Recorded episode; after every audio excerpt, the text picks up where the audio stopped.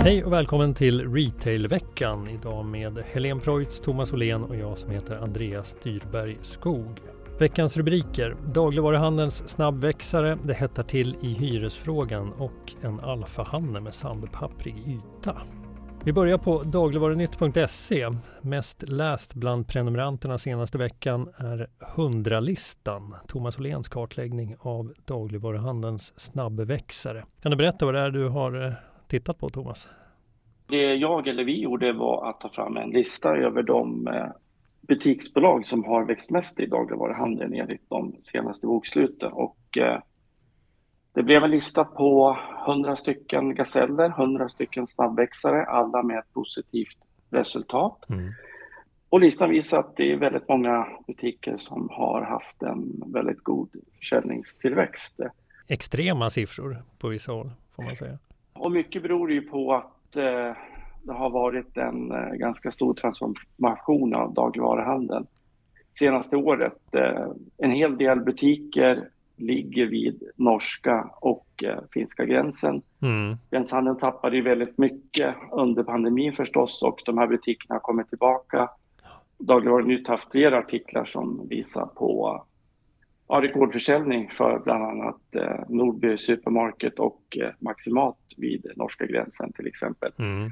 Så det är en typ av butiker som utmärker sig på, på årets lista.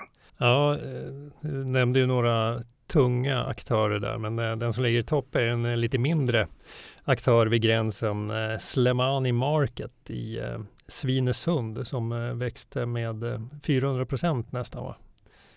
Ja, det stämmer. Det är ju en kombination av en gränshandelsbutik och en butik som vänder sig eller har ett utomnordiskt sortiment framför allt. Mm. Och det är ganska tydligt också i den här kartläggningen att var sjätte butik är en butik som, som uh, har ett, som vi kallar det då för utomnordisk sortiment, som har väldigt, mm. väldigt fin tillväxt. Och, och um, det är väl ett exempel på att eh, ingen av de tre stora aktörerna, ICA, eller Axfood eller Coop, lyckas särskilt väl inom det här segmentet att den här typen av butiker växer väldigt starkt. Nej, man har ju ändå sett eh, satsningar de senaste åren tycker jag från de traditionella aktörerna på den här typen av sortiment. Men eh, eh i alla fall de butiker jag frekventerar så är det ganska glest eh, bland kunderna i de hyllorna. Så uppenbarligen har de ju svårt att, att locka den kundkretsen.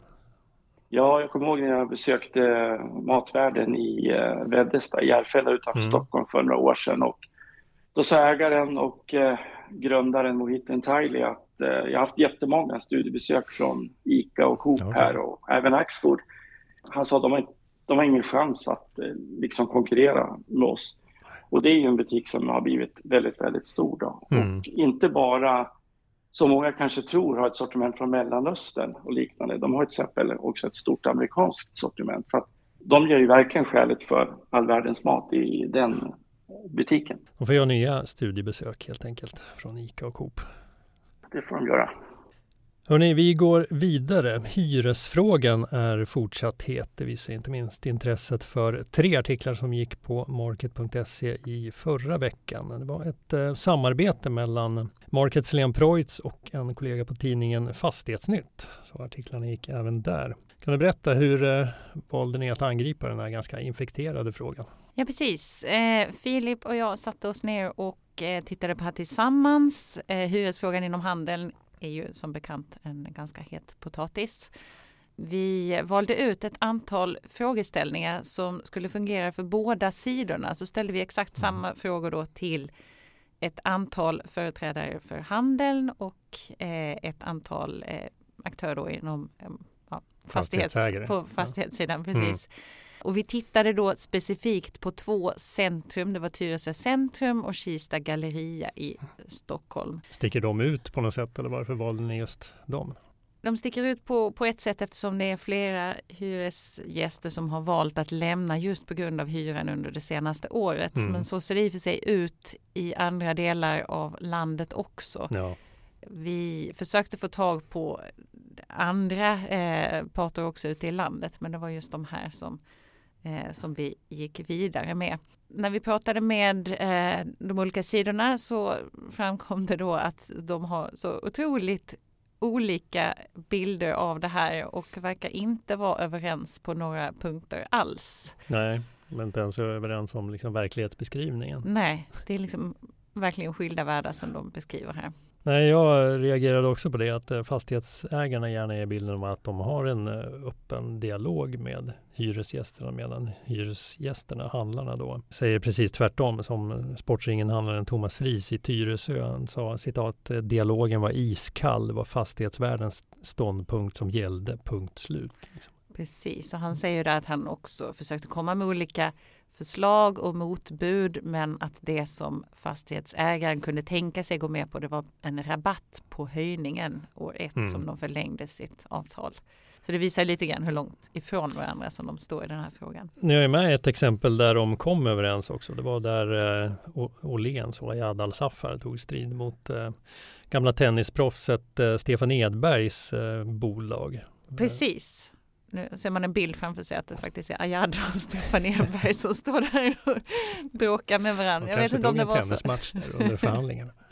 Precis. Det här gick eh, genom hyresnämnden, de kunde inte lösa frågan eh, och sen var ju eh, Åhléns redo att lämna Växjö. Mm. Sen helt plötsligt så fick vi besked om att de skulle vara kvar och hade tydligen enats. De vill inte svara på eh, var någonstans de möttes här för Åhléns hade begärt en ganska så kraftig minskning av hyran. Det var näst, en halvering har jag för mig mm. av årshyran. Men eh, vår gissning är väl i alla fall att Åhléns gick ut som segrare. Ja, ja, det är ju känt som en hård förhandlare. Och nu, eh, ni jobbar på en uppföljning av de här artiklarna. Vad, vad kan du berätta om den? Ja, den här frågan eh, fortsätter att eh, väcka heta känslor, eh, bland annat hos Svensk Handel som har reagerat på det här. De säger i ett uttalande där att vissa av citaten från eh, fastighetsägarna är på gränsen till stötande. Oj, tar de i.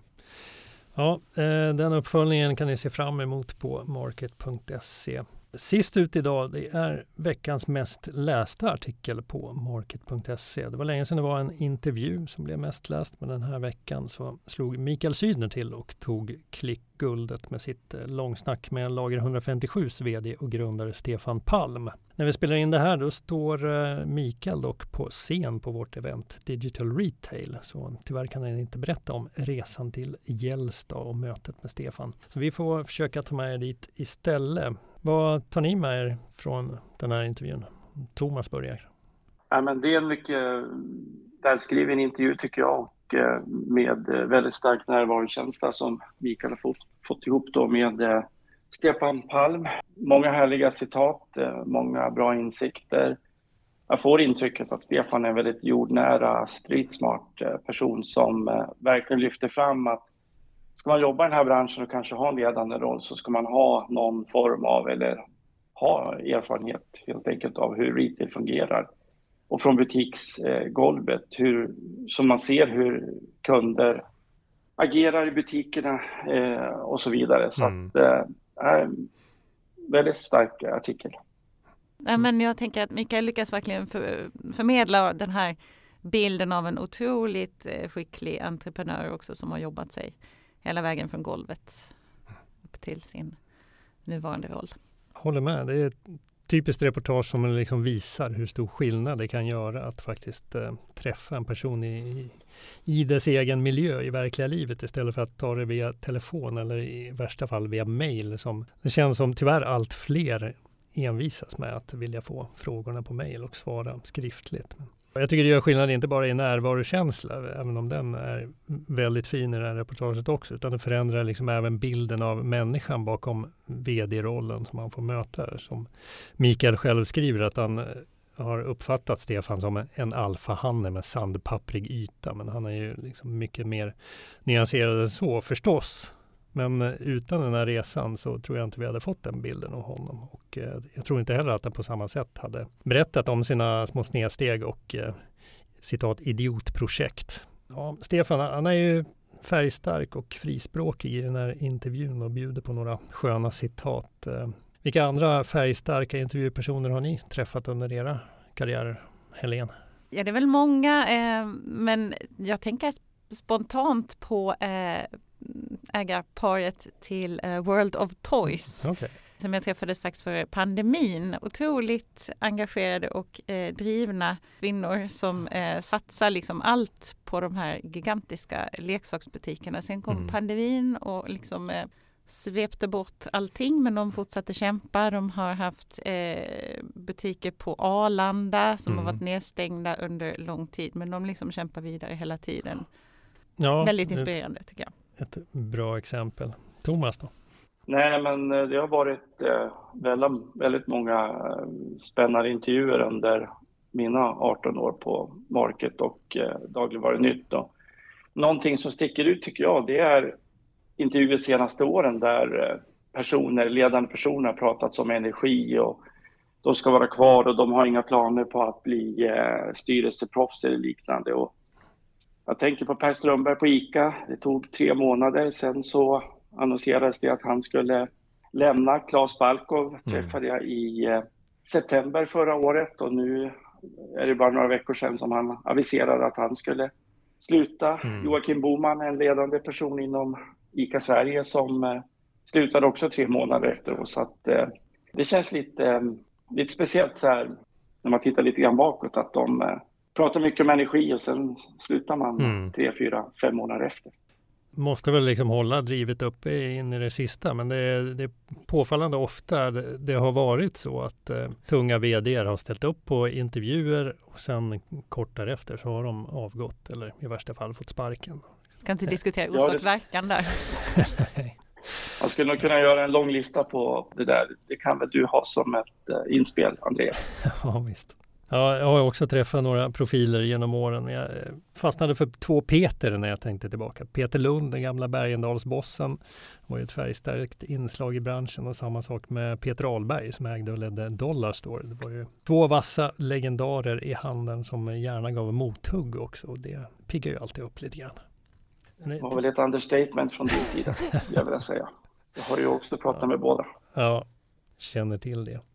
Tiden rinner iväg, men jag tänkte vi skulle hinna med en sista påminnelse också. Arbetet med Market och Dagligvarunytts talanglista pågår för fullt. Och eh, känner du en talang i detaljhandeln, max 35 år gammal eller om du själv är en sån talang, tveka inte att nominera. Sista chansen 20 februari. Klicka på länken i poddartikeln eller avsnittsinfon beroende på var du lyssnar. Med det tackar vi för den här gången. Ni har lyssnat på Retailveckan, en podd från Market och Dagligvarunytt. Ansvarig utgivare Fredrik Svedjetun. Vi hörs nästa vecka. Hej då! Hej då! Hej då!